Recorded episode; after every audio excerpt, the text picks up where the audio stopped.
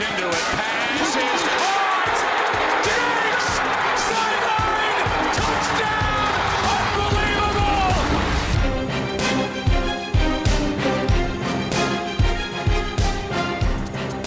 Hi, leuk dat je luistert naar weer een nieuwe aflevering van de Sport Amerika Fantasy Football Podcast. En dit keer niet zoals je gewend bent van ons op dinsdag, waarbij we je altijd adviseren over welke waivers je moet hebben. Maar gewoon lekker bij het begin van je weekend. En we gaan het dus ook niet hebben over wie je gaat oppakken, maar wie je al hebt en wie je dit weekend moet gaan starten. En dat doe ik natuurlijk niet alleen, want eh, ik ben hier uiteraard, want hij is niet meer weg te slaan bij deze podcast, Lars Leeftink. Goedemiddag. Ja, ja, ja, ja, had je nou afgelopen... Nee, je wilde een buy opnemen, maar dat kon niet. En toen hebben we uiteindelijk gewoon de hele podcast maar afgeblazen maandag. Zoiets was het, dacht ja, ik. zo ging het inderdaad. Dus eigenlijk omdat jij niet kan, ging het allemaal niet door. Ja, eigenlijk is het mijn schuld. Ja. Onmisbaar, grote speler. En over grote spelers gesproken, je hebt hem al een keer gehoord in deze podcast. En toen maakte hij indruk met zijn gigantische eh, stats, feitenkennis en onderbouwingen. En dus is hij terug. En eh, ik heb hem laten vertellen dat hij een boekwerk aan, aan notes weer klaar heeft liggen voor ons. dus eh, nou, eh, Jim, ik ben heel erg benieuwd. Jimmy Driessen. Hey, ja, leuk dat ik er weer mag zijn. En eh, ja, temper de verwachtingen wel een beetje. Daar gaan mensen te veel van me verwachten. Sell high. ja, precies. Nee, het is, het is eh, buy, buy low, sell high is het altijd, toch? Precies. Hey eh, Jim, eh, toen wij deze eh, podcast eh, een beetje gingen voorbespreken al, het begon gisteren al een beetje, toen zei hij tegen mij van ik heb een, lekkere dag voor de boeg, want ik, heb, ik ben vrij en dat begint voor mij in de nacht, want ik ga lekker naar eh, Thursday Night Football kijken. En hoewel deze podcast voornamelijk over fantasy gaat, eh, wil ik toch eventjes een kleine recap doen eh, van de eerste wedstrijd die al geweest is, eh, Falcons tegen de Panthers. En nou, ik heb Yes. begrepen dat jij, dat jij gekeken hebt, of in ieder geval een groot deel. Ja, Dus ik, ik ben ondertussen ook wel een beetje in slaap gevallen. Het komt niet door de wedstrijd zelf. Maar toch was het ook wel wat minder, eh, ja, minder Falcons dan normaliter het geval is. Het vierde kwart hielden ze stand. Ze hebben dus ook dan met 25-17 gewonnen. Maar eh, ja, een hoop eh, fantasy eh, dingen die impact hebben met deze wedstrijd. Want eh, ik denk dat iedereen eh, Bridgewater, als je hem op zijn roster had, eh, gestart heeft. Ja, en dat was een tegenvaller. Want eh, de Falcons krijgen normaal de meeste punten tegen van quarterbacks eh, van alle ploegen in de league. Maar ja, Bridgewater kwam er aan 12 punten. Dat is jij- weinig. Als jij zegt, eh, de mensen die Bridgewater op hun roster hebben, zullen hem gestart hebben. Dat zeg je dan voornamelijk omdat als je hem nu niet hebt gestart, waarom heb je hem dan op je roster? Precies. Waarschijnlijk, waarschijnlijk voor mensen die een quarterback hebben met een bye deze week, die dan Of- inderdaad in Bridgewater Of, een kans of die altijd al een eh, quarterback streamen, kan ook natuurlijk. Ah ja, ja, ja. Ja. En eh, verder, de, als je nog verder naar de wedstrijd kijkt, waren er nog andere opvallende dingen? Ja, wat me vooral eh, opviel was eh, het running back dilemma wat, wat de Falcons nou gaan hebben. Want eigenlijk was Gurley hiervoor echt de man. Snapte ik al niet. Alleen heel komt qua snaps komt hij steeds dichterbij bij Gurley. Het was nou 36 snaps voor Gurley en 25 voor Hill. Maar wat nog het ergste was, Gurley had 18 carries voor 46 yards. En dat is maar 2,6 yards per carry, wat echt gigantisch laag is. Mhm. En heel hel- 11 carries voor 55 yards, wat 5 yards per carry is.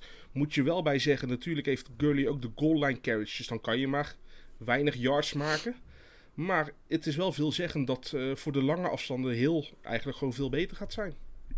Ja, en dat is toch wel raar, want Gurley is natuurlijk de grote naam en heeft natuurlijk ook een heel aantal touchdowns al op zijn naam staan.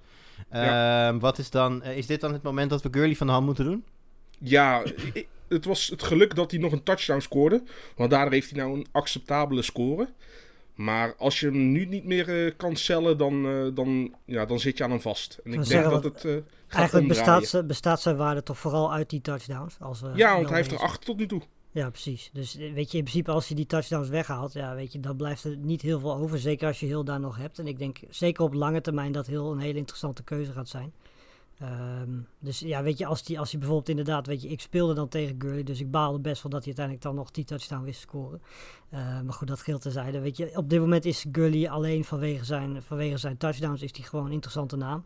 Zolang hij dat blijft doen, weet je, ja, eh, zolang hij dat doet, is het gewoon een interessante optie. Maar het is wel zo, weet je, heel zit er altijd achter. En eh, wat jij zegt is terecht, weet je, op lange termijn en eh, qua langere runs is hij een veel interessantere naam.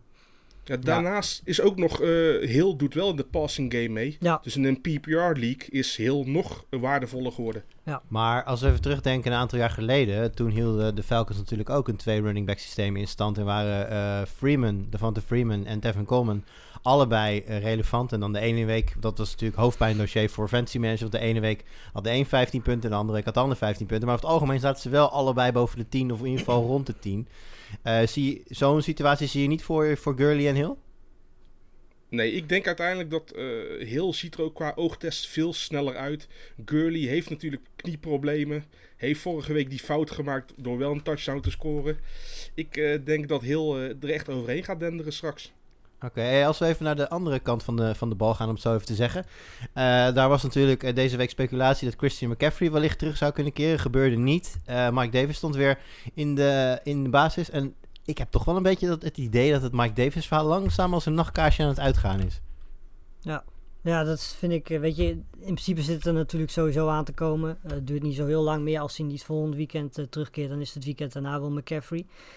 Maar je ziet in de laatste, de laatste drie wedstrijden, weet je, hij krijgt in principe hetzelfde volume. Alleen ja, hij weet gewoon om een of andere manier die punten niet bij elkaar te verzamelen. Hij is niet boven de 10 punten uitgekomen, Mike Davis. Afgelopen drie wedstrijden, zeker tegen een team als de Falcons, verwacht je dat toch eigenlijk wel. En hij heeft ook gewoon zijn kansen gekregen. Um, alleen ja, weet je, het lijkt een beetje op alsof die, uh, die aantal carries gewoon, dat hij een beetje vermoeid begint te raken. Dat hij een beetje, ja, een beetje uitgeblust begint te worden. Misschien is dat, uh, ja, heeft hij gewoon zijn momenten gehad. En gaat straks als McCaffrey komt, uh, hij juist weer profiteren van het feit dat hij iets minder snaps krijgt. Maar ja, zijn fantasywaarde, ik denk dat hij inderdaad zijn hoogste moment wel gehad heeft. Hoe zie jij dat, Jim? Ja, Davis had je in principe al moeten verkopen tenzij je ja. de Christy McCaffrey ja. owner zelf was. Uh, ja, dat, die tijd is wel voorbij, maar ik denk dat hij nog steeds, uh, zeker als flex, wel waarde kan hebben bij, uh, bij de Panthers voor je, voor je fantasy roster. Ook als McCaffrey straks weer fit is. Zeg ik iets raars als ik uh, zeg dat deze laatste paar weken waarin Davis toch, nou ja, vorige week had hij dan een touchdown, dus dat dan viel nog mee. Deze week, ik geloof, acht puntjes uh, gemiddeld, afhankelijk van je scoring. Is dit vooral gewoon goed nieuws voor mensen die Christian McCaffrey zelf hebben? Omdat, ja, als, als Davis al die weken lang elke keer monsterscores had gehad, dan had je misschien wel ook daar naar een split toe gegaan waar je eigenlijk niks mee kan als McCaffrey-eigenaar. Ja, ja, Dat, denk ik, dat denk ik wel. Ik denk uh, dat ze toch wel een beetje peentjes aan het zweten waren van... wordt het dadelijk wel echt een timeshare running back. Maar McCaffrey is te goed, zowel in de running game als de passing game. En ik denk niet alleen dat Mike... Uh, dat Davis uh, de, de, de dupe ervan wordt. Maar ook Curtis Samuel bijvoorbeeld. Want die had nou ook ja. weer, weer een rushing touchdown. Een wide receiver. Maar straks als McCaffrey terug is... is die rol voor Samuel ook niet nodig. Ja, ja, dus nou, dat gaan we zien de komende tijd. Dat we zeker ook gaan zien zijn een heleboel wedstrijden uh, te beginnen uh, zondagavond. Is het deze week eigenlijk 6 uur of 7, 7 uur? Gewoon weer 7 uur, toch? Ja, 7 uur, ja. Oké. Okay. Mooi, dan hoef ik niet en te koken en te kijken zoals vorige week. Dat was, uh, dat was uitdagend. En uh, nou, ik zou zeggen, laten we beginnen met uh, wat voor mij toch wel de, de belangrijkste en grootste wedstrijd is van, van dit weekend. Oh ja, even goed om te vermelden, we hebben een aantal vragen binnengekregen. En die vragen die verwerk ik er her en der gewoon doorheen bij de wedstrijden waar dat relevant is. zoals deze van Daniel Kegel, die zegt Lamar Jackson of Justin Herbert opstellen. En um, ik denk dat die... Dat, ik vind het op zich raar als je die keuze letterlijk moet maken. Maar goed, dat maakt niet uit. Uh, het feit dat dit een discussie is, jongens, is natuurlijk, zegt natuurlijk veel. Want waar ik hiermee naartoe wil is uh, Pitts, Pittsburgh op bezoek bij Baltimore. Twee goede defenses. Ja, ja zit je, uh, Jimmy, als Lamar Jackson-owner nu gerust als jij Lamar Jackson gaat starten tegen Pittsburgh? Ja, het is zo bizar, hè. Als je voor het seizoen zou vragen de keus Lamar Jackson of Justin Herbert... Ik ja. denk dat het 100% naar Lamar Jackson zou gaan. Ja. Maar wat Justin Herbert laat zien sinds dat hij uh, speelt en eigenlijk uh, vooral zijn laatste drie weken, ja, is, is hij gigantisch goed. Is hij, daarvan is hij drie ja. keer in de top 8 gekomen. Vorige week was hij zelfs de nummer 1 qua quarterbacks. En heeft een, een betere matchup dan Lamar. En Lamar ja. ziet er toch minder goed uit. Hoeft ook minder te runnen. Ik denk dat dat ook uh, een opdracht van de coaches. Iets minder risico nemen. Ik, ja, ik zou het niet eens heel gek vinden om Justin Herbert op te stellen deze keer. Ja, ik wil, we komen zo nog even op Justin Herbert terug, want hierna gaan we nog even door naar de Chargers. Maar ik wil even nog bij, uh, bij deze wedstrijd blijven. Want ja, we, Pittsburgh staat bekend als een van de betere defenses, misschien wel de beste defense in de AFC. Uh, zijn er quarterbacks die je op je roster kunt hebben, überhaupt, uh, om Lamar Jackson nu te benchen? Of heb je, hebben jullie zoiets van, als je Lamar Jackson hebt, dan stel je hem sowieso op? Lars? Uh, nou ja, dat, ja, weet je, als je in een twee quarterback league zit, sowieso gewoon opstellen. Uh, in een één quarterback league, uh, ja, weet je, ik denk, het probleem een beetje met Lamar Jackson, vind ik persoonlijk, zeker tegen zo'n team als de Steelers, weet je, uh, ze gebruiken gewoon zoveel wapens, aanvallend gezien, dat hij zelf, uh, ja, misschien inderdaad, zoals we net zeiden, wat minder hoeft te doen. Um, maar je weet ook dat Lamar Jackson gewoon, weet je, hij heeft tot nu toe amper tot geen fouten gemaakt, geen interceptions gegooid. Um, weet je, er zit wel gewoon een bepaalde soort zekerheid in die bij heel veel andere quarterbacks er misschien niet is. Dus wat dat betreft zou ik Lamar Jackson zeker wel willen opstellen. Um, en ja, weet je, je weet gewoon in ieder geval van hem wat je van kunt verwachten. En ik denk dat zelfs tegen een team als de Steelers hij gewoon uh, solide 14, 15 punten kan scoren. Ja, maar jij zegt uh, Lamar, Lamar, Jackson en je zegt solide 14, 15 punten. Dat is natuurlijk totaal niet solide voor een quarterback. Zeker niet dit seizoen. Als, je, als je gaat kijken naar de punten van Lamar Jackson. En het is. Um, ik weet even niet uit mijn hoofd of hier rare regels aan zitten voor, voor, voor quarterback rushing. Maar even ballpark. Eerste wedstrijd 26 punten, daarna 17, 12, 26, 14, 28. Dat is niet een rijtje die, voor een quarterback die je als de allerbeste of nummer 1 quarterback, of nou goed, misschien na Mahomes dan nummer 2 quarterback van het bord is gegaan bij de draft. En dat is ook niet iemand waar je, waarover je je nu heel erg goed gaat uh, voelen. Zeker niet als je weet dat de komende wedstrijden, uh, Pittsburgh, Indianapolis, prima defense, uh, nou, New England, momenteel struggling, maar de defense blijft gewoon goed. Tennessee ja. niet slecht, dan weer Pittsburgh. het is een behoorlijk zwaar schema wat er ligt. Uh, dit zou nou wel eens de eerste wedstrijd kunnen zijn van uh, een hele lastige periode voor Lamar Jackson, of niet dan, Jim? Ja, ik, ik, wat, wat je al zegt, het, schema van hem is gewoon een, een stuk lastiger. En als hij al niet in beste vorm is, ik, tot nu toe is het gewoon een grote bust. Want hij is volgens mij quarterback 13 of 12 in, het seizoen tot nu toe. Ja, en dat is niet waarvoor je hem gedraft hebt. Terwijl andere dual threat running backs wel gewoon goed doen met Allen, met Murray. Die, die staan gewoon allemaal in de top 5 van de quarterbacks. En ja, dat is waar Lamar zelf ook moet zijn. Ja, ik weet het niet. Ik, ik, ik heb voor het eerst echt twijfels. Ja. En als je dan, gaat, als je, als je dan twijfelt, waar uh, twijfel je? Bedoel, ja, zijn, kijk, zijn, er, ik, zijn er namen überhaupt die je op je roster zou kunnen hebben? Want ik heb bijvoorbeeld, uh, nou, ik heb hem toevallig net getraind, maar ik had Lamar Jackson en Joe Burrow samen op, op één roster. Is ja. Burrow iemand die je zou kunnen over, overwegen om voor Lamar Jackson op te starten deze week? Ja, want ten eerste, de, de defense van de, van de Bengals is ook slecht. Dus hij zal ook veel weer de bal krijgen. Omdat de, de, de tegenstanders veel gaan scoren. Gameflow. Mm -hmm. dus, en hij mag sowieso heel veel passen van, uh, ja. van zijn coach. Zeker dus nu Mixon weg is natuurlijk. Ja, dus ik zou hem zeker wel starten boven Lamar Jackson. Maar dan kom je inderdaad bij het punt. Uh, zeker in een one quarterback league. Ik zou Jackson en Burrow of Jackson en Herbert niet in één team eens wil hebben. Want dan moet je altijd één goede speler moet je benchen. Ik zou ja. één van die twee altijd wegtraden tegen een andere speler. Ja, nou heeft, nou heeft natuurlijk Lamar Jackson net zijn bye gehad. Dus dat kan, het kan ja. natuurlijk wel zijn dat je zijn vervanger uh, nog op je roster had. Uh, dat, dat, sluit trouwens ook meteen aan bij een andere vraag uh, van Arjan Kruithoff. Die zegt, is het, is het tijd om je tweede quarterback te droppen als je quarterback zijn bye al heeft gehad? En ik denk dat je droppen misschien hier moet zien als uit je team weghalen. Dat kan natuurlijk ook via een trade. Ik kan me heel ja. goed voorstellen, als jij een Carson Wentz had als vervanger die een, en een uh, appetijtelijk schema heeft en het goed heeft gedaan, dat je die niet hoeft te droppen, daar kun je nog wel iets voor terugkrijgen. Maar is, dit, is dat nu met de, het eerste wat je zou doen dan, uh, Jimmy? Ja, absoluut.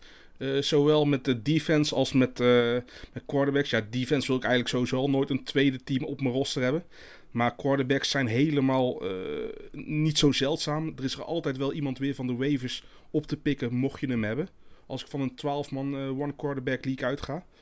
Dus zodra iemand zodra je gewoon een goede quarterback hebt. En die tweede, ja, die, die vervelt dan een rosterspot. Daar kan je ook een wide receiver of een running back op zetten. Ja. ja. En uh, Lars, als ik nog eventjes met jou uh, Pittsburgh en Baltimore afsluit. Nou, Jackson hebben we dus over gehad. Big Ben is denk ik voor, voor niemand echt een starter. Ik denk dat Connor redelijk onbetwist is als starter. Maar zijn er verder nog wide receivers of running backs aan weerskanten die je op zou stellen? Nou, bij Baltimore sowieso niet. Want ik moet zeggen, weet je, zelfs iemand die ik het meest zou vertrouwen, bijvoorbeeld Marquise Brown, vind ik zeer wisselvallig presteren, fantasy-wise. Dus eigenlijk zou ik bij Baltimore niet echt per se iemand uh, qua receiver vertrouwen. Zelfs een Mark Andrews, weet je, heeft eigenlijk niet eens zo'n heel goed seizoen uh, fantasy, uh, als je naar fantasy gerelateerd kijkt. bij Pittsburgh zou ik eigenlijk, weet je, vind ik het ook moeilijk, omdat zij ook heel veel wapens hebben. Zeker nu Schuster vorig weekend weer, weer wakker werd. Um, als ik eentje zou uit moeten kiezen bij de Steelers, dan zou ik voor Deontay Johnson gaan. Want die was afgelopen weekend wel echt heel erg goed. Kreeg ook heel veel targets. Dus ja, mijn keuze zou dan naar Deontay Johnson gaan. Ja. Jij nog iets aan toe te voegen, Jimmy? Nou, ik zou Andrews zou ik sowieso altijd wel ja. opstellen. Want ja, dat waarschijnlijk zeker. als ja. een van de top 5 tight ends heb je die gedraft. Ja. Dus dan heb je geen beter op je roster staan. En als hij geen bye week hebt, start je hem altijd op. Ja, Ja, eens. hele goeie. Goed, nou, hij werd al net al even genoemd. Justin Herbert. We gaan door met de Chargers eh, tegen de Broncos. Eh, Broncos nou, werd toch wel gezien als een, een, een above average defense. Eh, maar Jimmy, dat maakt jou dus totaal niet bang als ik net jou, eh, jouw opening even heb, gevo- heb gevolgd. Nee, ik, ik ben volop op de Herbert eh, hype train gesprongen. die, die gas is, ja, hij, hij is gewoon goed. Ja, ik, ik moet wel even zeggen, je moet oppassen met hype trains in deze podcast. Want eh Don die probeert echt al, week, al, al, al sinds het begin van het seizoen de Ian Ja. Thomas hype train op te starten. En dat is één touchdown verder en het wordt, het wordt een beetje een zielig verhaal. Het is een beetje zo'n zo'n zo'n pretparktreintje is dat eigenlijk een beetje geworden, die, eh, de Ian Thomas hype train. Maar goed, laten Nee. we daar eh, een andere keer over hebben. Nee, maar ik geloof sowieso aan Herbert. En oké, heeft hij misschien hier een, een niet zo makkelijke tegenstander. Daarna zijn schedule is, is makkelijk met twee Ja. keer Las Vegas, een keer de Jets, de Falcons. Dus, eh, dus ook voor op de langere termijn is Herbert voor mij gewoon echt een, een, een top, top 12 quarterback. Dus iemand die altijd moet starten. Ja, Eh, maar dat is het raar, hè? Want als je gaat kijken naar Herbert, eh, volgens mij heeft hij, even uit mijn hoofd, 14 touchdowns en 3 interceptions of zo tot nu toe. Eh, wat natuurlijk uitstekende cijfers zijn. Eh, Kan zijn dat ik eentje naast zit, maar wat uitstekende cijfers zijn sowieso voor, een- voor een rookie zeker. Eh, en toch, als ik dan ga kijken naar de passcatchers eh van de Chargers, dan is Keenan Allen eigenlijk de enige die ik zonder meer op het wedstrijd of op mijn, mijn fantasy formulier zou invullen. Ja, maar, maar is dat met Rodgers en Adams anders? Bij de Packers bijvoorbeeld? Nee. Absoluut niet. Lars, wat, wat weet jij nou van de Packers? Kom op. Nee, maar als de connectie tussen één wide receiver en een quarterback goed is, dan vertrouw ik dat veel meer als dat hij met iedereen maar een half-half connectie heeft. Ja. Ge- geef mij maar een, een goede connectie tussen die twee, hoor. Prima. Ja. Weet je, maar- Als je iemand bij de Chargers zou moeten kiezen, zou ik eerlijk gezegd nog het el- als eerst naar Hunter Henry kijken. Die volgens mij ook gewoon elk weekend heel veel targets krijgt. Ook dat nog, ja. Ja, dat, eh, daar kom ik zo nog heel even op terug. Want ik wil nog heel even door. Eh, de andere namen zijn dus voor jullie niet interessant als het gaat om de pass catches. Eventueel Justin Jackson misschien vanuit de backfield. Ja, maar, maar, maar, eh, Kelly kreeg ook nog volgens mij veel meer werk. eh, niet in de passing game, maar wel in de running eh, game. Ik had verwacht dat Jackson veel meer die rol zou overnemen. Ja. Dus ik vertrouw het op een, een hele wedstrijd. Vertrouw ik er nog niet op, op Jackson. En weten we hoe lang het nog duurt voordat Eckler weer kan spelen?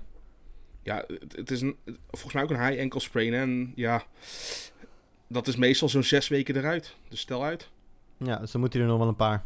Ja, Oké, nog heel even snel naar de andere kant eh, van deze wedstrijd dan. Eh, aan de kant van Denver. Begonnen uh, Lok en Fent heel hoopvol aan dit seizoen. Maar ja, goed, toen hebben ze natuurlijk allebei positie, of, sorry, injury pro- problems gehad. Blessureproblemen, dankjewel.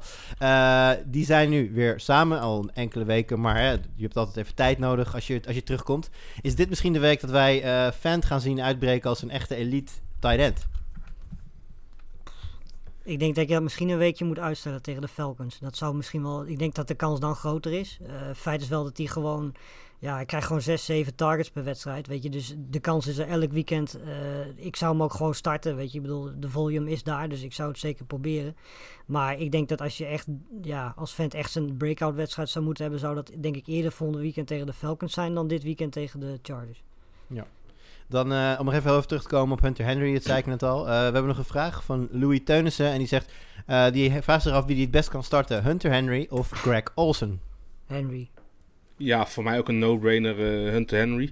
Ten eerste omdat hij eh, een makkelijkere matchup heeft eh, qua tight ends. Eh, Greg Olsen moet tegen de 49ers. En die defensie is natuurlijk wel een stuk verzwakt door blessures. Hebben de Broncos ook last van. Maar tegen tight ends zijn ze beter dan eh, de Broncos qua defensie. En daarnaast hoeft eh, Hunter Henry met niemand zijn targets te sharen. Greg Ja. Olsen heeft ook nog concur- concurrentie van Disley, van Hollister. En Henry krijgt gewoon alles naar zich toe. Ja, Ja, dat lijkt mij inderdaad ook een, eh, een vrij makkelijke keuze. Dus Hunter Henry is waar je uh, naartoe gaat. Uh, laatste dingetje dat even goed is om te weten, wat ik er even bij wil vermelden voor deze wedstrijd, is dat Philip Lindsay in het concussion protocol zit. Uh, hou dat even in de gaten. waarschijnlijk wordt daar zo aan een beetje zaterdagavond nieuws over verwacht. Maar dat zou goed nieuws kunnen betekenen voor Melvin Gordon. Goed, dan gaan wij door naar een andere situatie die je zeker in de gaten moet houden als het gaat om blessures. En dat is bij Seattle.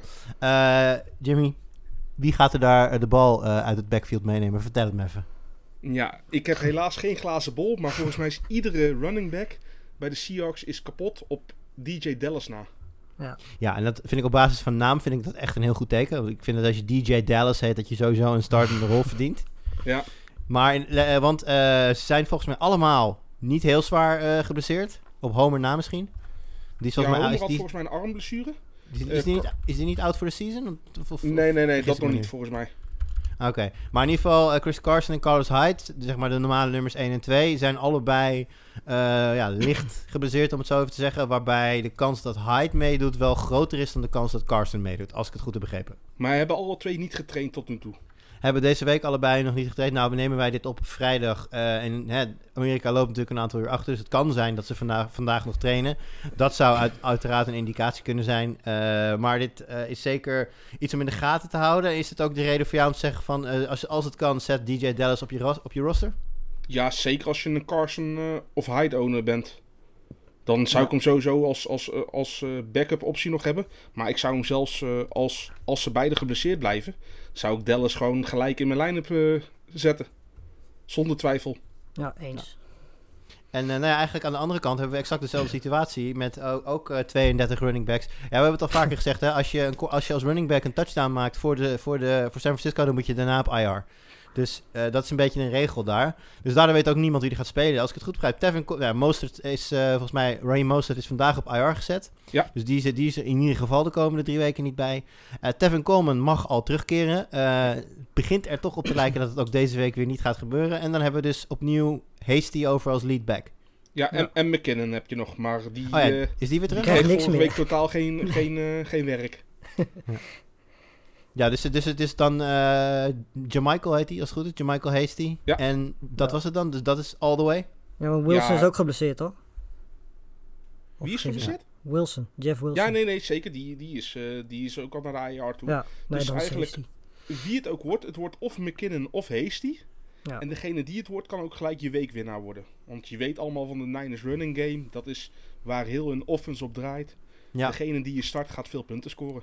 Nou, sterker nog, je zou zelfs kunnen zeggen dat Ayuk, uh, wide receiver natuurlijk, ook onderdeel is van de running game. Want we weten, we hebben de laatste weken gezien dat uh, Garoppolo heel veel behind the line of scrimmage gooit. Dus echt. Vangballen achter de of scrimmage en dan daar doorheen uh, rennen. Um, dat deed Debo Samuel heel veel. Nou, die is nu geblesseerd. Uh, dus uh, zijn alle ogen gericht nu op Brandon Ayuk. En hebben we Ayuk aan de ene kant. Aan de andere kant, nou ja, we, hebben natuurlijk DK Metcalf en, en Tyler Lockett als unquestionable starters. Maar daarachter zit natuurlijk David Moore. Zien jullie in een van die twee nog iemand die zou starten deze week? Nou, van Moore weet ik het überhaupt niet. Want die is zo wisvallig als het maar kan. Uh, dus ik heb echt geen idee wat je van David Moore kan verwachten. Wat dat betreft denk ik dat Ayuk misschien iets stabieler gaat zijn. Zeker als al die running backs er niet zijn.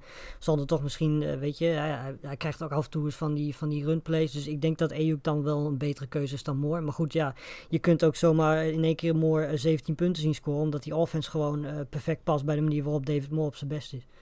Ja.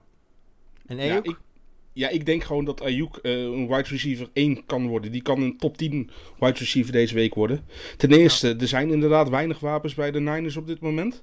En ten tweede, de Seahawks zijn het de slechtste defense tegen de wide receivers. Ja. Die krijgen gigantisch veel punten tegen, tegen ja. de wide receivers. Dus iedereen, iedere wide receiver die je kent die tegen de Seahawks speelt, start ik. Ja, we hebben ook uh, afgelopen uh, dinsdag in de uh, NFL-podcast uitgebreid gehad over de Seattle en hun defensive woes. Dat ze eigenlijk een ja, Super Bowl-waardige offense hebben en een Toilet Bowl-waardige defense. En nou ja, dat is op zich voor, voor fantasy is dat een hele fijne combinatie.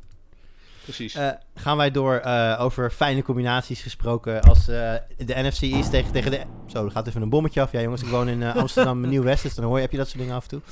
Eh, de NFC East tegen de NFC East, dus dan weet je, dat wordt smullen geblazen. Ik eh, zie iemand in mijn beeld eh, met een Philadelphia...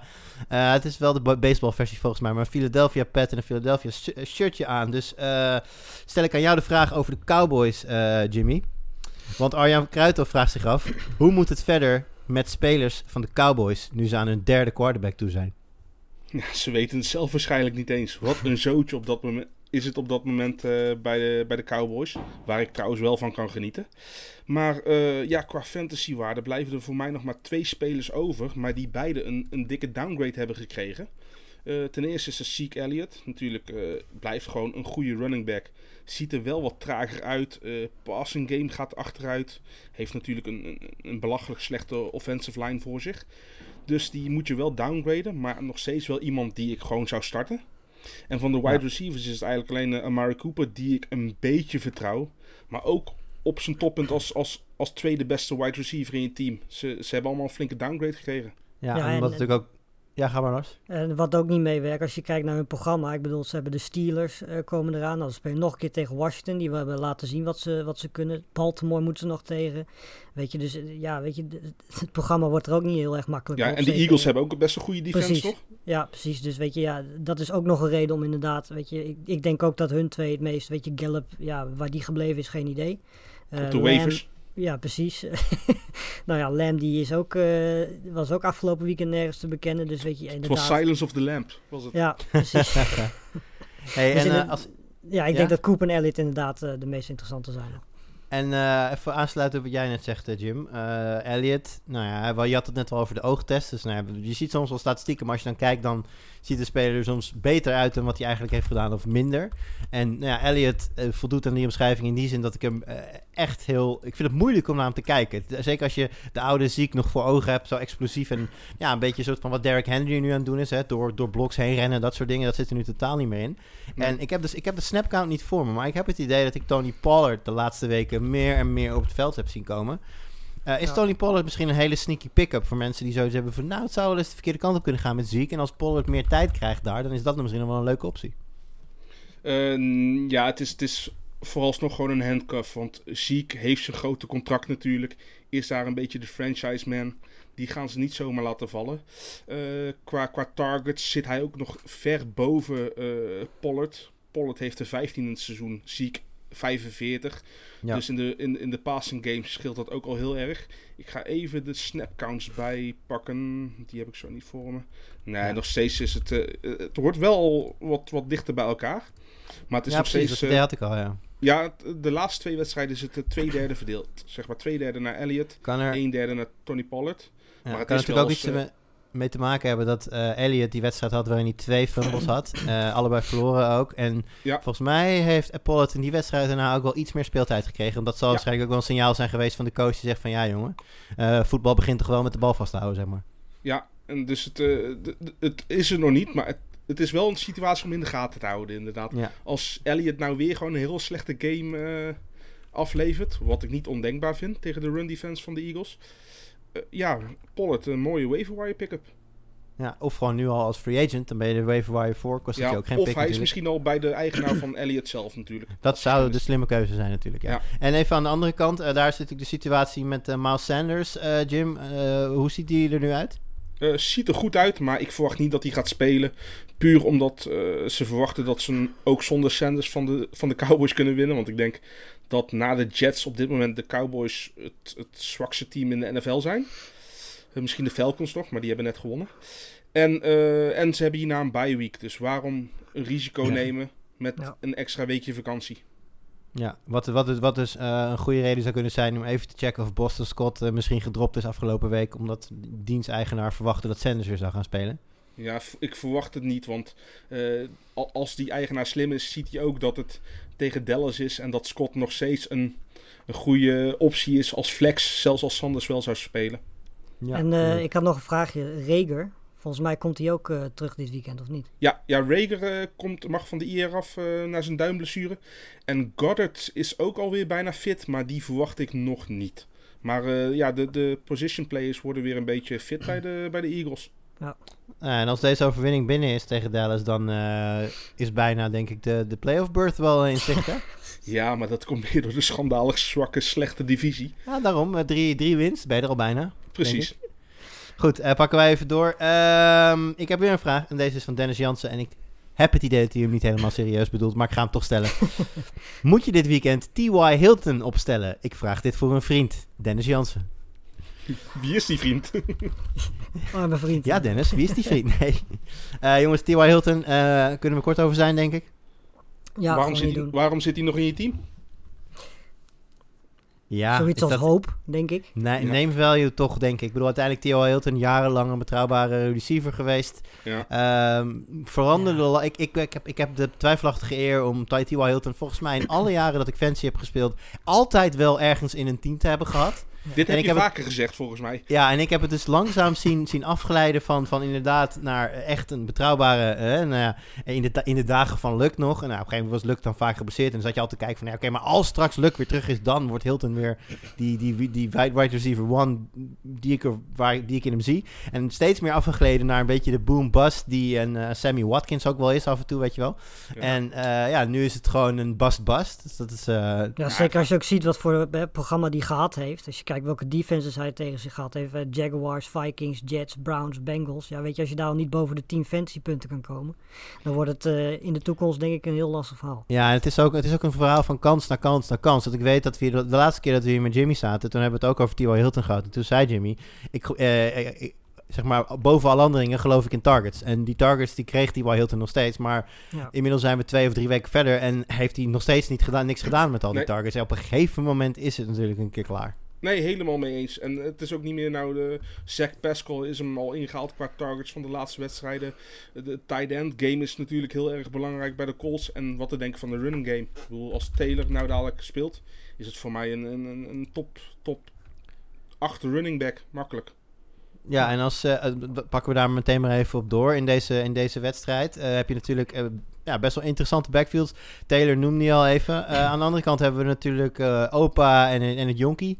Adrian Peterson, die somehow nog steeds in de NFL speelt. en, en, dat, en die daardoor dus Swift achter zich weet te houden. Maar Lars, is het niet een keer tijd dat dat een keer omgedraaid wordt? Nou, dat of eigenlijk, eigenlijk is dat natuurlijk al een klein beetje bezig. Maar laat ik het dan anders zeggen. Is dit de week dat Swift definitief gaat doorbreken als de RB1 daar? Uh, dat vind ik moeilijk te zeggen, omdat het, weet je, het is tegen de Colts. Dus weet je, ja, tegen de Colts. Hij, hij, zit bij de Colts, hè? Hij zit oh, bij Swift, sorry, we hebben het over Swift. We hebben het over Swift. Ja, we hebben het over Swift. Ja, dat mijn fout. nee, maar hij, hij, speelt tegen de Colts. Dus ik weet niet of dat nou het ideale team is om een breakout game te hebben. Maar ik vind het eigenlijk bijna te gek voor woorden als je ziet wat Swift met zijn snaps doet. En je geeft Peterson eigenlijk twee carries meer. En eigenlijk de afgelopen weekenden ook gewoon nog steeds meer. Uh, ja, ik, ik, snap eigenlijk nog steeds niet dat Swift uh, niet meer snaps krijgt. Want wat hij allemaal doet met de bal als hij die bal daadwerkelijk krijgt. Uh, ja, weet je, dan zou je toch bijna zeggen dat het niet heel lang meer kan duren. Ja. En ik heb ook nog een andere vraag. Die wordt hier gesteld door Bram Vinkers. Uh, komen we zo meteen ook nog even op terug als we bij uh, Green Bay zijn. Maar ik gooi hem er gewoon even in. Uh, welke running back moet hij starten? Jamal Williams. Of die speelt tegen Minnesota. Of Naeem Hines. En die is uiteraard van de Colts en speelt tegen Detroit. Jamal Williams. Ja, dus en dat mij heeft ook een no-brainer Jamal Williams. alles. Ja, hij heeft dat, laat ik hem even anders stellen. Stel dat Aaron Jones fit was geweest. Ja. Zou je dan, dan nog steeds, lastiger. zou je dan nog steeds Jamal over Hines uh, hebben gekozen? Uh, ja, kijk, Heinz heeft natuurlijk wel, wel de, de, passing games erbij. Maar nog steeds denk ik dat uh, Williams de betere back is. En uh, ja, we hoeven waarschijnlijk niet eens hierover te, te zoeken. Nee, is zo. Jones zal waarschijnlijk nog niet spelen. Nee, die Nee, maar ik kan, me, ik kan me wel voorstellen dat als je op een gegeven moment de keuze moet... Als je hen beide op je roster hebt en je wil een keer een running back gaan droppen... dan is het natuurlijk wel handig om een soort van... voor jezelf een idee te hebben waar je meer punten gaat halen de rest van het seizoen. het plafond van Williams is veel hoger dan dat van Heinz. Dat, uh, dat geloof ik ook wel. Um, nou, Green Bay komen we zo over terug. Want ik wil eerst even... Nou ja, ik wil is een vrij goed woord. We gaan het, gaan het hebben over uh, Patriots at Bills. Ja. ja, tot zover. Nee. de situatie Cam Newton is, een, is denk ik een hele goede, Jim. Die heb jij volgens mij ook opgeschreven hier. Ja. Cam Newton is, is aan het begin van, van, van een, een fantasy-revelatie met volgens mij twee uh, touchdowns in elk van zijn eerste twee games. En nou toen kwam natuurlijk die hele COVID-situatie en toen hij terugkwam, ja, toen stond daar een totaal ander team en een totaal andere quarterback en, en eigenlijk uh, ja, weinig hoop. Hoe zie jij die situatie? Ja, negatieve punten. Dat is nooit goed voor een, uh, voor een, voor een grote naam als quarterback. Ja, ik, ik zie het echt heel erg uh, bedroevend in. Want Newton zag er niet alleen zelf slecht uit. Zijn arm was niet aanwezig. Zijn running game was niet aanwezig. Ook uh, de wapens die hij heeft om zich heen. Het is helemaal niks op dit moment. Hij heeft geen goede running back om zich heen. Uh, hij heeft geen, geen, geen, geen speler waar hij de bal naartoe kan gooien. Ja, wat moet hij doen?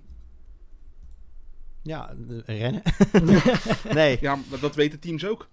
Nee, en het maakt natuurlijk allemaal, het is allemaal niet makkelijker, want deze week ontbreekt natuurlijk uh, Edelman, uh, Julian Edelman die ontbreekt. Uh, Nikhil Harry zit in het concussion protocol. Niet dat die twee zo goed aan het spelen waren trouwens. Ik wou het zeggen, de, ik wou het zeggen, dus het beste wide receiver duo in de NFL is er niet bij. maar die spelen ook helemaal niet daar. Nee, dus dat, dat, dat helpt dan niet. Nou, Jacoby Myers, ja, hoe desperate moet je zijn om nu in Jacoby... Kijk, het is natuurlijk wel, Jacoby Myers is waarschijnlijk de, de, de primary outlet, even James White daar gelaten dan, uh, als het gaat om de passing game. Dus mocht er überhaupt iets van de grond komen bij New England, dan zou Myers misschien, als je echt heel desperate bent, of, of zelfs maar dan zal, niet. Zal hij niet uh, de beste corner, uh, cornerback van de Bills krijgen? Nee, want dat zou, dat zou lullig zijn. maar zou je niet meer naar de running game moeten kijken van de Patriots nu? Ja, maar dat is toch ook walgelijk slecht? Ja, ja maar nee, wie, wie ja. van de vier? Ja. ja. dat is ook wel weer zo, ja. Ja, ja dat is een beetje het probleem natuurlijk. Kijk, ja, als je, probeer als je positief deze, te zijn. Als je deze wedstrijd bekijkt en vanuit de fantasy perspectief en je kijkt naar hoe de teams draaien, dan denk ik dat het niet onlogisch zou zijn om ervan uit te gaan dat de Bills op een gegeven moment voorstaan en ook nou, uh, meer dan twee touchdowns voorstaan. Ja, dan zal James White natuurlijk de te prefereren back zijn, omdat hij in de passing game heel actief zal zijn. Maar ja, als je de laatste twee wedstrijden van New England bekijkt, dan lukte er echt helemaal niets. Ook niet toen ze dik achter stonden. Dus ik, uh, wat White betreft heb ik in ieder geval de hoop al opgegeven. Ik heb hem, uh, ik heb hem al op meerdere plekken gedropt inmiddels. En ik, ik heb er een soort kruis overheen gemaakt. Ik vind het helemaal mooi. Als we even kijken naar de andere kant, want dat is ook wel interessant. Josh Allen begon namelijk net als Cam heel heet aan het seizoen. Nou, hij is absoluut niet zo ver teruggevallen de laatste weken, maar heeft wel al drie weken lang geen 20 punten meer gehaald. Waaronder nou, is, tegen de Jets.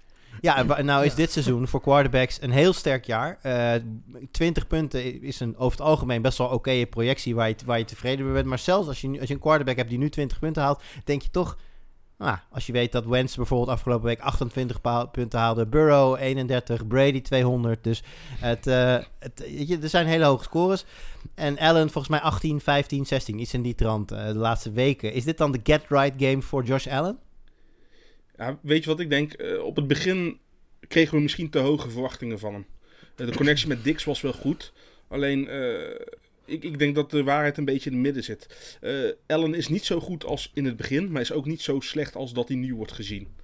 Ik denk dat het nog steeds een. als je hem hebt, start je hem gewoon. Ja, eens. En voor, en, voor jullie allebei. Josh Allen of Lamar Jackson deze week? Allen en dan eigenlijk puur vanwege de matchup. Niet ja. vanwege de speler.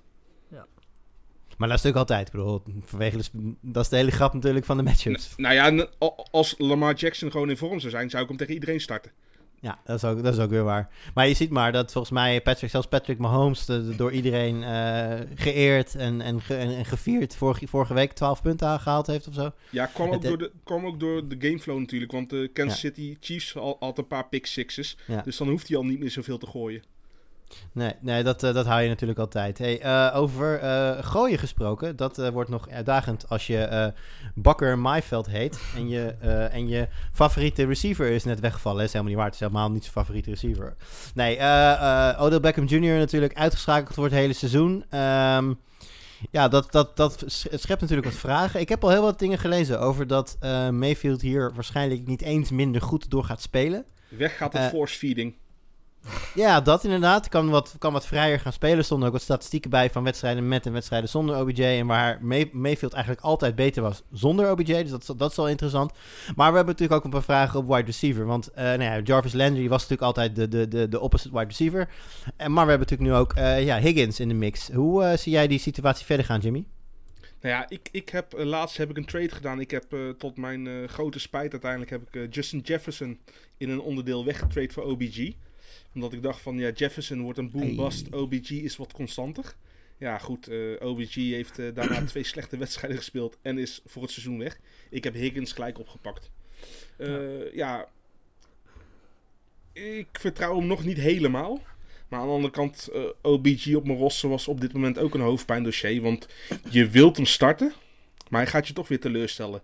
En met Higgins heb ik wat minder verwachtingen, dus stelt hij me minder teleur.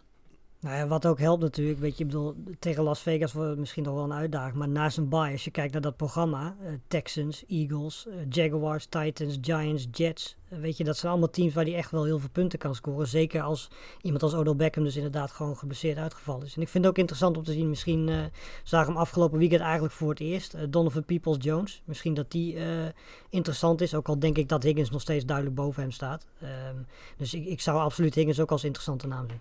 Ja, en het blijft het natuurlijk ook met Cleveland blijft het natuurlijk lastig, want het blijft een, een run first offense. Ja. En als dadelijk Chip ook weer terug is, uh, gaat het, gaan veel ballen naar Chip en naar hun toe. De tight ends worden veel gebruikt, dus ik blijf het altijd een beetje tricky vinden om een wide ja. receiver uh, van de Browns gewoon direct ja. op te stellen. Ik heb, uh, ik heb Chip trouwens deze week weer niet gedropt. Echt, Drop it like Chubb. Oh, dat is wel goed. Ik ben, goed bezig. Um, zijn er nog dingen aan de andere kant van de bal die we moeten gaan bespreken bij uh, Las Vegas? Ik weet dat uh, Josh Jacobs al een aantal tegenvallende weken achter de rug heeft. Maar ik denk dat de Cleveland run defense nou niet bepaald een defense is waar je Jacobs dan niet tegen wil laten spelen. Ja, Jacobs zal door zijn volume gewoon altijd een starter zijn.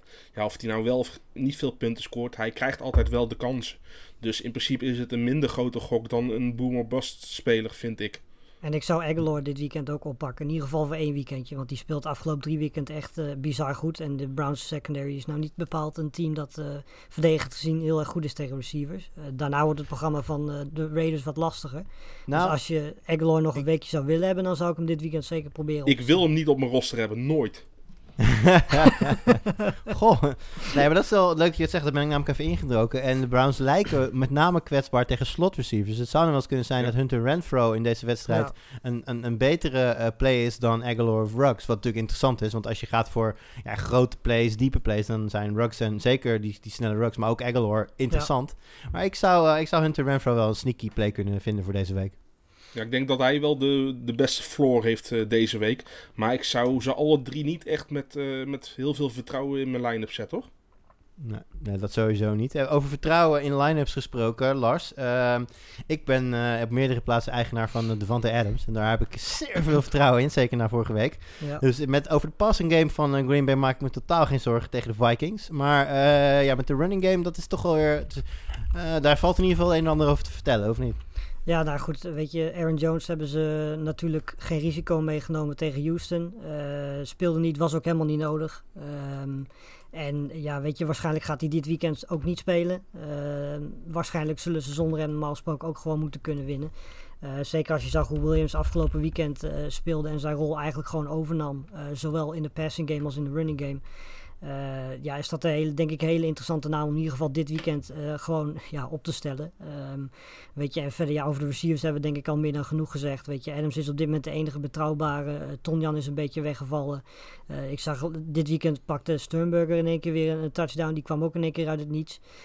Um, weet je, dus op dit moment is qua receiver Adams duidelijk de nummer één optie. En qua running backs is Williams, ja, zolang Jones geblesseerd is. En ik denk dat hij in ieder geval dit weekend nog niet zal spelen. Uh, ja, is hij de meest interessante optie. En uh, Lazard? Uh, zover ik weet, hij is wel weer aan het trainen. Volgens mij gaat hij niet dit weekend alweer spelen. Maar de kans is groot dat hij volgend weekend weer... Uh, volgens mij mag hij volgend weekend ook wel pas weer van uh, IR af. Dus ik denk dat hij dan volgend weekend wel weer terugkeert. En ja, dat is dan denk ik na Adams de meest interessante receiver om erbij te hebben. Ja, en Jimmy, dan hebben we aan de andere kant natuurlijk eigenlijk een vergelijkbare situatie met Dalvin Cook. Hoe, hoe staat het er daarvoor? Ja, die, die heeft ook gewoon van zijn bye week gebruik gemaakt. Ik ga ervan uit dat, uh, dat Cook gewoon weer gaat starten. En dat de Vikings hem dan ook gewoon weer echt gewoon fulltime gaan starten. Gewoon dik gaan gebruiken. Uh, hou het wel even in de gaten. Mocht uh, Cook alsnog niet starten. Slot um, Madison als de wiede weer gaat in je line-up. Ja. Op je running back 1 of 2 positie. Want dan is hij gewoon weer degene die alle alle targets krijgt. En, uh, en het wordt sowieso een, een team waar uiteindelijk ook de Vikings weer veel de bal gaan hebben. Want ik denk dat ze veel punten tegenkrijgen. Want ze hebben, eh, de defensie was al slecht. Ze hebben een Ngakwe nou natuurlijk ook getrade. Eh, Hunter is geblesseerd. Dus eh, ja, dat, dat, ja, dat wordt, wordt tragisch bij de, bij de Vikings. Eh, maar Lars, hoe zit het dan eh, met de fitheid aan de defensieve kant bij de Packers? Eh, nou, daar zijn wel wat, wat dingetjes. Eh, mensen als Adams. eh, Clark is gelukkig wel fit. Die is wel echt heel belangrijk daarin. Maar Adams is ook niet 100% fit. Er zijn nog wat andere defensive linemen die eh, niet 100% fit zijn. En als je daar bovenop telt dat eigenlijk zelfs met hun de beide Packers verdedigend gezien in de running game niet zo heel goed zijn. dan zijn ja, Cook en Madison normaal gesproken echt must-starts tegen de Packers. Oké, ehm, als we even doorpakken jongens naar eh, Tennessee tegen Cincinnati. Ook daar weer een, een startende running back. Die, we zitten echt eventjes in het, eh, in het blessurehoekje momenteel. Eh, Joe Mixon eh, is natuurlijk, speelt natuurlijk vorige week niet. Eh, deze week lijkt ook weer lastig te worden. Ja, hij heeft tot nu toe eh, al zijn practices overgeslagen weer. Eh, en ik denk dat ze hem nog alle rust gaan gunnen. eh, en ik denk dat de, de man met de mooiste snor naar, naar Minshew eh, gewoon weer alle, alle targets gaat krijgen. We hebben het over Gio Bernard. Ja, en is dat dan, eh, want eh, ze spelen natuurlijk tegen de Titans, wat niet per se voor running backs de makkelijkste tegenstander is. Zeker eh, running backs in de passing game zijn zij vrij goed in om dat uit te schakelen. Nou, daar is, dat is juist een van de sterke punten van Bernard. Doet dat je nog iets? Of heb je zoiets van als hij daar de starter is, dan speelt hij klaar? Ja, omdat hij zal echt zoveel snaps, zoveel carries krijgen. Die, die, die gaan hem gewoon helemaal opburnen tegen, tegen de Titans. Ik, ik, ik geloof daar wel in. Nou. Ik, ik heb altijd liever iemand die een duidelijke rol heeft dat hij echt alles gaat krijgen. Dan eh, wat je bijvoorbeeld ook bij de, bij de Buccaneers gaat hebben. Nou met, met eh, Ronald Jones en Fournette. Van ja, wie moet ik starten? Ja, Ja. Bernard moet je gewoon starten. daar eh, komen we zo nog even op terug. Ik wil nog heel even naar de wide receivers kijken hier. En dan hebben we de namen. Hè. We hebben aan de ene kant AJ Brown en ik denk dat de tweede receiver inmiddels toch wel Corey Davis is. En aan de andere kant hebben we dan T. Higgins, AJ Green en, eh, en Boyd, Tyler Boyd. Ehm, zijn dat allemaal starters die je met een gerust hart kunt, opstarten, eh, kunt opstellen? Ja, deze matchup wel. Ja. Eens. Ja, wat, wat best wel bijzonder is, hè? want we hebben het bijvoorbeeld net over de Chargers gehad, waar we dan, ja, Keenan Allen en dat was het dan een beetje. En bij, bij Pittsburgh tegen de Ravens eigenlijk niemand, geen van de wide receivers. En dan hier alle wide receivers in deze game kan je met gerust hart in je line-up gooien. Weet je wat het is? Tannehill heeft zich ook al bewezen om, om op zijn targets, vooral op AJ Brown, gigantisch goed te connecten. Dus Brown is, als hij fit is, voor mij altijd een starter, ongeacht de matchup. Eh, Davis heeft het ook gewoon goed gedaan.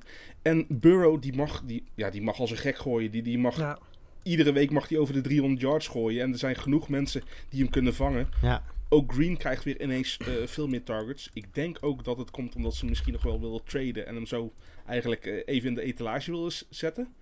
Dus nee, ik, ik zou ze al, allemaal starten. Net, net als dat Ja. ik alle quarterbacks en alle running backs van deze teams zou starten in deze gewoon matchup. iedereen, gewoon iedereen starten. Gewoon Alles, iedereen starten. alles wat je hebt. Ja, tight, tight ends heb ik wat meer moeite mee in deze matchup. Smith Ja, doet het de laatste tijd niet goed.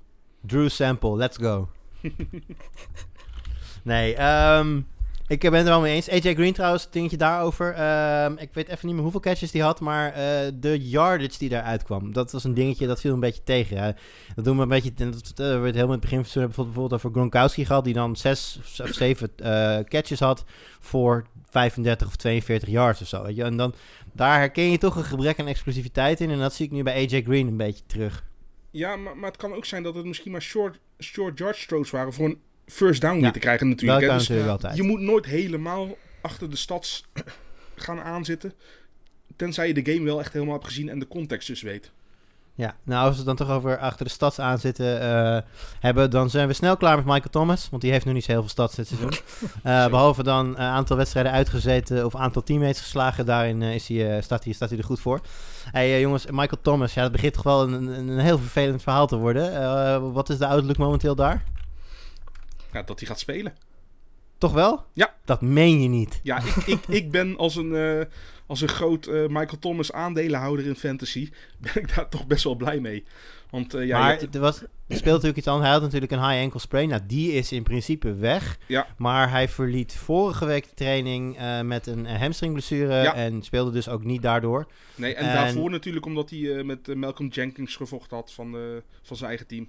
Ja, en heeft er ook al een bite gezeten bij hem? Ja. Ja, precies. Dus nu, na al die weken, eh, is, het, eh, is het dan eindelijk tijd eh, voor, voor Michael Thomas om zijn ding te gaan doen. Nou, ik hoop gewoon een beetje net als met het eh Saquon Barkley verhaal van vorig jaar. Je hebt hem in de eerste ronde gedraft. Thomas heb je ook in de eerste ronde gedraft. Je hebt er niks aan gehad totdat je richting de playoffs ging. Toen ging hij Ja. als een Ja. gek af. Nou ja, laten Ja, we nou- hopen dat dat met Thomas ook zo is. Als we dan kijken naar fantasy implications, voor Thomas-eigenaren uiteraard heerlijk nieuws dat hij gaat spelen. Eh, er zijn natuurlijk ook mensen die bijvoorbeeld Elvin Kamara in hun team hebben zitten. Wat is de impact op hem? Ja, eh, nog steeds een running back 1 natuurlijk, want daarvoor is Camara te goed. Zelfs met Michael Thomas zal hij ook nog genoeg targets hebben. Hij krijgt het Ja. merendeel van de carries krijgt hij. Altijd opstarten, eh, opstellen. Alleen ja, hij gaat wel een minder hoog plafond hebben. Ah, Oké. Eh, gaan we even door, want eh, we, komen een beetje in tijdnood op deze manier. Eh, als we kijken naar de Rams tegen Miami. Ja, dan zien we natuurlijk de eerste stad van Tua, wiens achternaam ik op de een of andere manier nooit kan uitspreken. Tagovailoa. Ja, je moet een. M erbij uitspreken die er niet staat. Tango Valola. Nee, maar wat, eh, wat mogen we daar verwachten? Het is natuurlijk wel twee weken voorbereidingstijd. Eh, Ja. ik ben zeker de openingsfase waar ik verwacht dat ze hem toch een redelijk sterk script mee gaan geven. Eh, daar heb ik toch wel mooie verwachtingen bij. Ja, nou ja, weet je, en het is natuurlijk ook, weet je, het is natuurlijk heel moeilijk inschatten, want hij heeft natuurlijk nog geen wedstrijd gespeeld. Eh, het is een rookie, de Rams defense is zeker niet, Niet gestart in ieder geval. Nee, precies, niet gestart. Hij heeft natuurlijk vier snaps gehad, maar goed, dat was tegen de Jets. Weet je, hoe serieus je dat moet nemen is natuurlijk ook een vraag. Precies. Maar eh, ja, weet je, ik zou het op zich wel aandurven, denk ik. Zeker als je twee quarterbacks moet opstarten. Eh, maar ik zou, ja, weet je, als je deze jongen op de bank hebt zitten, zit hij daar denk ik meer dan prima. En als je kijkt ook naar het programma wat, eh, wat hij heeft straks. eh, na deze wedstrijd tegen de Cardinals, eh, Chargers, Jets, Bengals zie ik langskomen. Ik zie aan het einde nog Raiders en, en, en Bills. Ja, weet je, dat is wel een programma waar je een rookie in principe gewoon genoeg kansen zou moeten krijgen om zich te kunnen bewijzen. Ja, en het gaat natuurlijk voor Miami ook niet om dit jaar. Ze willen hem Nee, natuurlijk precies. voornamelijk... En hij heeft wapens zat, dus eh, weet je, ja, maar krijgt wel gelijk Aaron Donald op zich afgezond.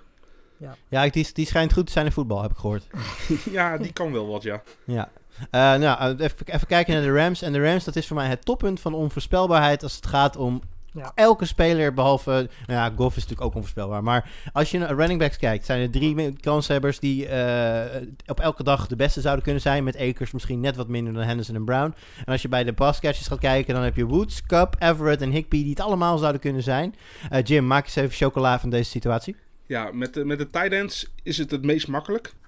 Je stelt ze alleen op als een van die anderen dus niet speelt. Is Higby geblesseerd, stel je Everett op. Is Everett geblesseerd, stel je Higby op. Ja. Zijn ze beide geblesseerd, stel je niemand op. Spelen ze beide, stel je ook niemand op. Dat was makkelijk. Ja. Eh, bij de wide receivers vind ik het wat trickier. Eh, Woods heb ik dan wat meer vertrouwen in. Want hij is toch een, een passcatcher die het niet per se van zijn touch zou moeten hebben. Dus eh, hij heeft altijd nog wel een, een steady floor. Dus die zou ik wel op durven zetten. Op durven stellen. Alleen ja, het zijn, het zijn geen wide receivers één die ik, eh, die ik echt met vertrouwen opstel. En ja, met die running backs, ja, zeg het maar. Dat is gewoon puur eh, je loterijticket pakken. Ja. Eh, het leek eerst Brown te zijn. Toen leek het weer Henderson te zijn. Nu is Brown ineens weer een stukje terug. Ja, ik weet het niet. Die, die mensen doen dat expres gewoon om ons helemaal Nee. gek te maken. Ja. Ja, ik weet het echt niet. Nee, als je kijkt gewoon naar, naar hun, hun touches, dan zou ik denk ik misschien nog het meest vertrouwen in hebben in Henderson. Maar eh, ja, weet je, het, is, het, is, het lijkt elk weekend wel anders te zijn. En ehm, ja, weet je, zeker de komende drie weken als je kijkt tegen welke run defense ze spelen. eh, tegen de Seahawks, tegen de, eh, vooral tegen de Buccaneers en de 49ers. Ja, weet je, ik zou de gok niet durven wagen in ieder geval. Nee. Ver van weg blijven. Ja, nee, wat je zegt inderdaad, eh, Jim. eh, ik, ik vond zelf Henderson er iets eh, explosiever en beter uitzien. Maar ja, het, is- natuurlijk bekend dat ze daar heel hoog opgeven van Akers. En die zullen ze absoluut ook betrokken willen houden. Eh, over betrokken houden gesproken. We hebben natuurlijk vorige week eh, de eerste eh, flashes gezien van Le'Veon Bell in een, in een uniform van de Kansas City Chiefs. En Le'Veon Bell die, zit, die ziet deze week herkenbare uniforms. Want hij speelt tegen de Jets, tegen de, het professionele voetbalteam dat de New York Jets is. Ehm, is, Nog steeds is- het, slechtste, het, het slechtste team van New York. En dat is best knap. Nog slechter dan de Yankees? Nee, grapje. Ehm Le- Le'Veon Bell, jongens. Dat is natuurlijk een lastige situatie. We hebben het er vaker over gehad, ook voor owners van eh Clyde Edwards-Hilaire. Is, eh, is Bell voor jullie een starter als het gaat om eh, de wedstrijd tegen de Jets? Misschien voor hem toch een grudge match ook. Hè? Wil, wil waarschijnlijk laten zien tegen zijn oude team dat hij echt wel beter is dan dat hij daar was. Ja, tegen de Jets start je iedereen. Ja, Om- puur Punt. omdat het de Jets is. ja punt. En eh, ik denk ook wel dat, dat Bell ook nog genoeg eh, kans gaat krijgen. Zullen wat uh, rustig aan doen met uh, Clyde Edwards-Helaire.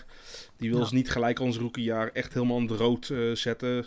Ja, het kan ook zijn dat, eh, dat de Chiefs gewoon straks zo dik voorstaan dat ze in de tweede helft Bell heel veel de kans geven. Nou, ja, dan kan die ook nog eh, kansen krijgen. Ja. Goed, dan eh, gaan we door naar een ander eh, running back duo waar er een, net zoveel hoofdpijn over is als dat eh, Edward Hilaire en Bell eh, nog kunnen gaan geven. Ik heb hier een quoteje van gemaakt, ik weet niet of jullie deze quote kennen. Neither can live while the other survives. Weet jullie waar- waarvan het is? Nee, maar het, eh, het klopt wel bij de fantasy van dit jaar in de running backs. Van als Ja, en, en de tight ends van de, van de Rams.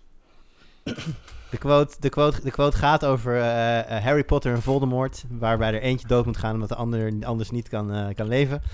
En eh, dat, heb ik, dat, dat idee heb ik ook heel sterk bij Ronald Jones en Leonard Fournette. Als er één kapot is, is de ander fantastisch. Als ze allebei spelen, dan gaat Bruce Arians er hoog, hoogstpersoonlijk voor zorgen dat A, jij de verkeerde opstelt. En B, als je ze allebei opstelt, scoren ze allebei slecht. Ja, niks meer aan toe te voegen. Ik, hoofdpijndossier inderdaad. Ik, ik heb Fournette heb ik dan wel eh, in één team kunnen draften. Puur omdat hij toen al gekut was bij de Jaguars. Dus qua value heb ik er genoeg uit. Maar ik, ik zou ze beide niet, eh, niet durven te starten op dit moment. En ik Nee. heb een league waar ik eh per ongeluk op autodraft stond in het begin. Volgens mij eh, zit jij ook in die league. En daar heb ik dus Fournette gekregen inderdaad. En nou, dat leek eventjes heel leuk te zijn. En nou, nu met Ronald Jones die dan... eh, maar jongens, leg nou even uit. Hoe ga je van drie games boven de 100 yards eh, als running back naar een ja, wat rol moet je nog als, meer doen? Als, oh ja, precies. Wat, wat moet Ronald Jones in vredesnaam doen dat niet ineens weer Fournette op een Any Given Sunday eh, de lead back is daar? Dat kan toch helemaal niet? Nee, geen ja, idee. het is, het is vrij oneerlijk. Want het is niet zo dat Ronald Jones niet gepresseerd heeft. Terwijl Nee. Fournette eh, afwezig was natuurlijk. Dus inderdaad, ik denk... Misschien heeft Fournette belastend eh, materiaal. Ja, dat denken we. Dat, dat, dat moet de conclusie zijn. Eh, pakken we nog heel eventjes door daar. Eh, nou, Brady heeft natuurlijk, Tom Brady heeft natuurlijk veel wapens. Een van die wapens, Chris Godwin is er deze week dan niet bij, maar dan nog blijft er genoeg over. Ehm, volgens mij hebben de Buccaneers inmiddels ook bekendgemaakt dat ze verwachten dat Antonio Brown in week 9 gaat spelen. Dus dat wordt ook nog wel interessant. Eh, dit is misschien niet zozeer voor deze week, want ik denk niet dat je heel erg twijfelt om Tom Brady op te stellen tegen de Giants. Maar eh, even als je verder kijkt, is Brady een, eh, een top 10 quarterback voor de rest van dit seizoen? Makkelijk. Ja, die gaat alleen maar beter worden, denk ik. Ja, En hoe, hoog- hoe, hoog nog- denk je?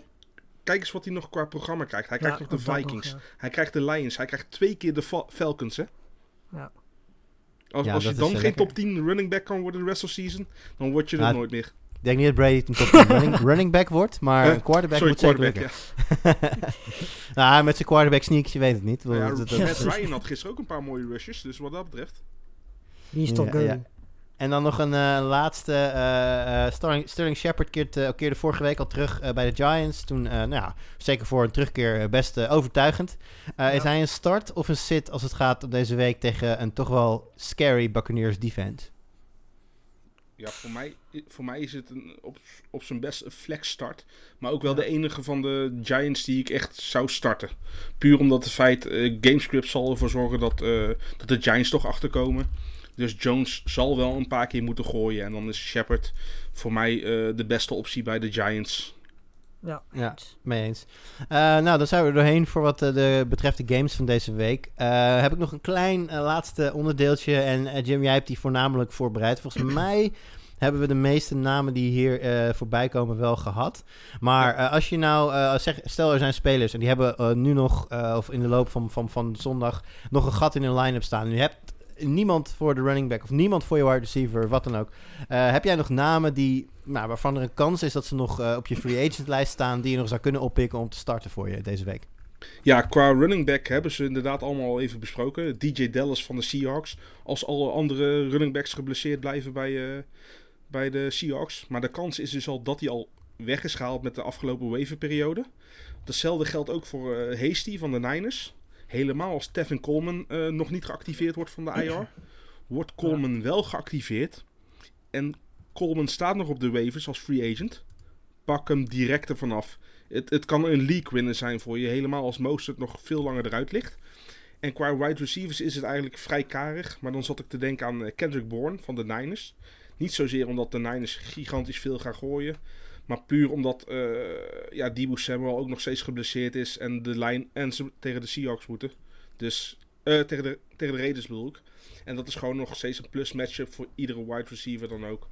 En Ayuk is misschien dan wel de nummer 1 daar, maar vlak Bourne niet uit. Het kan, kan zomaar iemand zijn met een, eh, met een upside.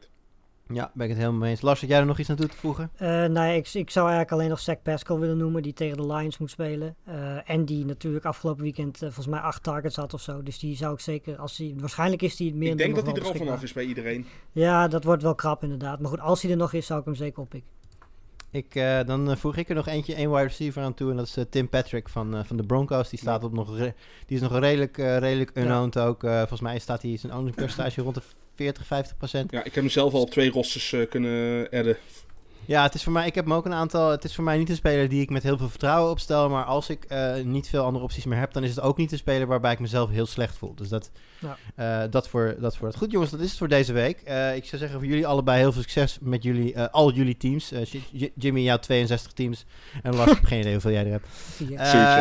Ik sluit nog even met deze af, want het is altijd op zondag ook wel slim om vast te kijken naar volgende week. Omdat je misschien wel spelers hebt die dan niet spelen. En ik zeg er vast bij, volgende week zijn eh, met bye de Philadelphia Eagles, de Los Angeles Rams, de Cleveland Browns en de Cincinnati Bengals. Dus als jij eh, bijvoorbeeld afhankelijk bent van, eh, de, van de Browns, je hebt bijvoorbeeld Hunt in je team, of je hebt Miles Sanders van de Eagles, ga je dan vast beraden op opties voor volgende week. Want die zou je wellicht nu al kunnen oppikken, zodat je niet met de waiver wire hoeft te vechten. Eh, dat voor deze week. Bedankt jongens voor jullie aanwezigheid. Yes. Yes. En luisteraars, bedankt voor het luisteren en tot de volgende keer.